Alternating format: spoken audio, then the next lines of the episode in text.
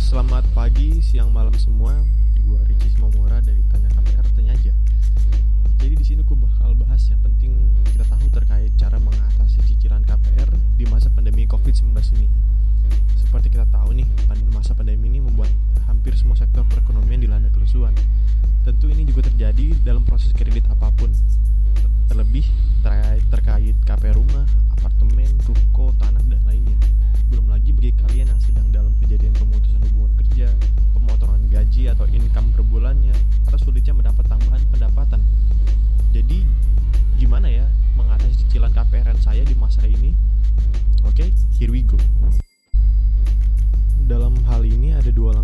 harus menjadi perhatian kalian dalam mengatasi cicilan KPR, yaitu yang pertama, restrukturisasi atau keringanan kredit dan poin yang kedua, take over kredit. Jadi kita bahas dulu yang pertama nih. Dalam menanggapi kasus ini, untungnya pemerintah melalui otoritas jasa keuangan telah mengeluarkan kebijakan relaksasi kredit melalui POJK atau 2020 untuk melakukan restrukturisasi atau keringanan bagi debitur perbankan dan perusahaan pembiayaan yang terkena dampak COVID-19. Setelah terbitnya peraturan ini, tentu sudah banyak bank yang menyatakan sudah siap melaksanakan kebijakan tersebut. Di antaranya nih, Bank CIMB Niaga, Bank Mandiri, Bank Rakyat Indonesia, Bank Panin, Bank Nobu, Bank Permata, Bank DBS Indonesia, Bank IOB Indonesia, Bank BTPN, Bank Negara Indonesia, Bank Mega, dan lain sebagainya. Lalu, apa sih restrukturisasi kredit itu? Jadi, restrukturisasi adalah keringanan pembayaran cicilan pinjaman dan bukan bertujuan untuk menghapuskan hutang pinjaman. Jadi cicilan pinjaman harus dibayarkan, namun mendapat keringanan sesuai dengan kesepakatan nasabah dengan bank.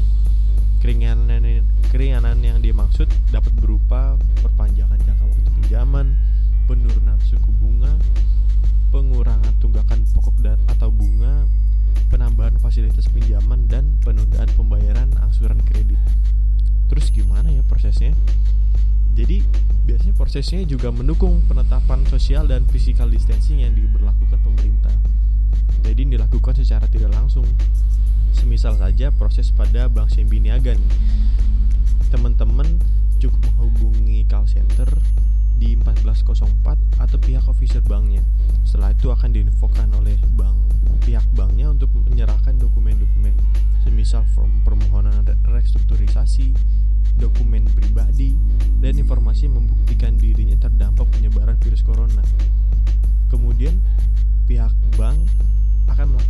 Analisa pada situasi dan kapasitas nasabah. Biasanya proses ini hampir sama di semua bank kok. Kita lanjut yang poin kedua, yaitu take over kredit. Selain pada restrukturisasi, opsi yang dapat dilakukan ialah dengan melakukan take over kredit ke bank lain. Jadi, take over adalah melakukan pemindahan pinjaman KPR ke bank lain. Singkatnya, melunasi pinjaman KPR sebelumnya dan meneruskannya di bank lain. Hal ini tentu akan lebih membantu kalian. Apalagi kalian nih lagi berada pada masa bunga yang floating. Dalam pinjaman KPR, tentu saja kalian akan menikmati masa di mana pembayaran angsuran dengan bunga fix atau flat sekitar 1 atau sampai 5 tahun. Kemudian memasuki masa floating yang diperkirakan bunganya berkisar 10% ke atas bukan? Jika kalian masuk pada floating ini dan kemudian berpindah atau take over ke bank lain, dipastikan kalian juga akan menikmati lagi pembayaran angsuran dengan bunga flat. Semisal, semisal saja nih, kalian punya pinjaman KPR selama 10 tahun di Bank BTI dengan bunga fix 2 tahun sebesar 8,99%. Lalu setelah tahun ketiga, bunga pinjaman kalian floating semisal 13,5%. Tentu ini akan sangat memberatkan bagi kalian yang mengangsur karena bunganya yang sudah tinggi. Maka dibutuhkan nih proses take over ke bank lain. Kita coba take over ke Bank CIMB Niaga. Nah, bank ini menawarkan bunga fix atau flat selama 3 tahun cuma sebesar 6,5% loh. tentu dengan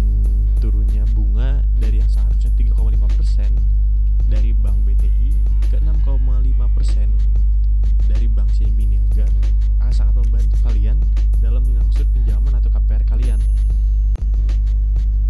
Belum lagi fasilitas dari takeover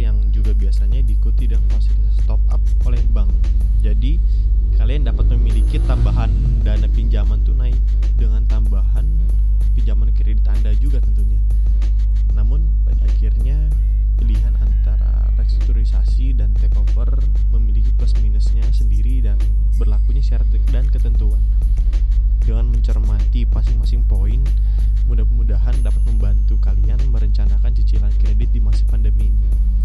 Sekian dulu perbincangan kita kali ini. Jika ada yang ingin ditanyakan, silahkan menghubungi kontak kami di nomor 0813 17 10 6229 atau di 0857 433 69 363. Jadi, tanya KPR, tanya aja. Sampai jumpa di podcast lainnya. Terima kasih.